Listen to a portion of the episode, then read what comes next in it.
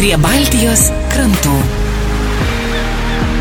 Laidos partneris - Lietuvos jūrų muziejus.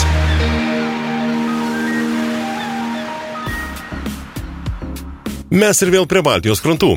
Geros idėjos, kaip ir dabar, taip ir tada kartais baigėsi tik garsiais plojimais. Tačiau su laiku, kaip tada, taip ir dabar atsiranda žmonės, bandantys tas idėjas paversti kūnu.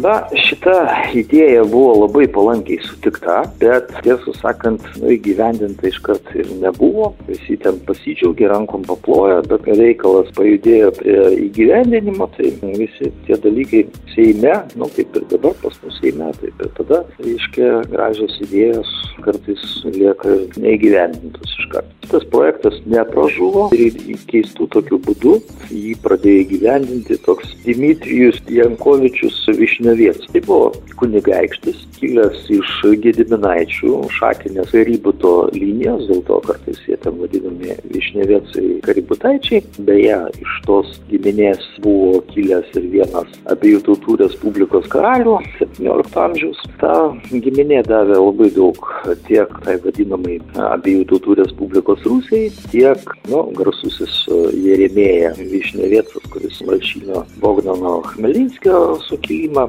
buvo toks garsus, reiškia, politikas. Kita vertus, ta giminė davė tiek Lietuvai nemažai, tiek abiejų tautų Respublikai ir Lenkijai. Taigi, dar tuo metu Lietuvos didžiosios kunigaikštystės pavaldinys, apie jį žinoma pakankamai daug, jo gyvenime daug ką nulėmė tam tikros išorinės aplinkybės. 1550 metais jo dėdė su šeima totoriai paėmė į nelaisvę na, ir atsilaisvino dėdėjai priklaususi Čerkaso ir Kanevo seniūno vieta. Kaip tik Dimitrijus ėmėsi veiklos, tai yra pabandė įgyventinti tą patį projektą, reiškia. Tai yra praktiškai vienoje saloje, kuri dabar vadinasi Didžiolį Horticija, dabar kartais vadinama Baidė, ta vietovė, atvyko su 500, nu, 500-700 kazokų kompanija, pradėjo statyti pilaitę, ją pasistatė sėkmingai. Ir 1556 metų gana aktyviai pradėjo veikti Dniepro upėje. Na, puolė tą patį Očiakovą, privertė, reiškia, ne kartą turkus tiesiog bėgti.